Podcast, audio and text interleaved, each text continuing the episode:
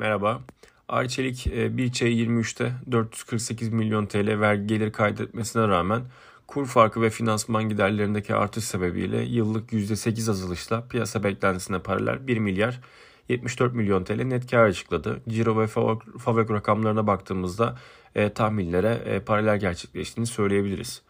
E, zayıf yurt dışı talebine rağmen aslında TL'deki değer kaybı ve ürün fiyat artışları sayesinde satış gelirlerinde yıllık e, %42'lik bir e, yükseliş olduğunu görüyoruz. Emtia fiyatlarında e, bu dönemde düşüş gerçekleşti. Fiyat artışları yapıldı ve e, euro dolar paritesindeki yükselişte e, yükselişin desteğiyle de brüt kar marjı hem çeyreksel hem de yıllık bazda artış gösterdi.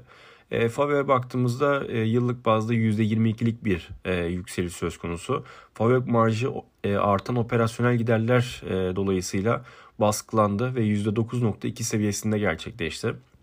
Bildiğiniz gibi e, yurt içinde tüketici talebi oldukça e, güçlüydü.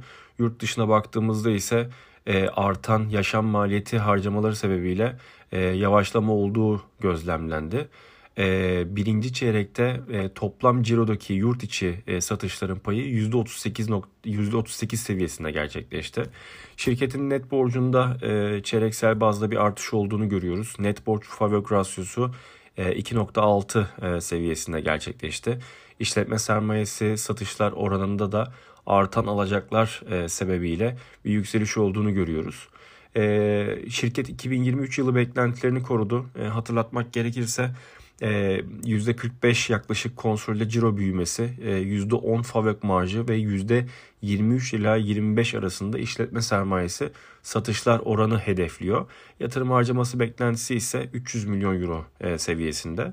E, biz de birinci çeyrek sonuçlarının ardından hedef fiyatımızda bir değişikliğe gitmiyoruz. 129, 129 lira 20 kuruş e, hisse olan hedef fiyatımızı koruyoruz. 2023 tahminlerimize göre ise 5.7 FD FAVÖK ve 13.5 FK çarpanlarıyla işlem görmektedir.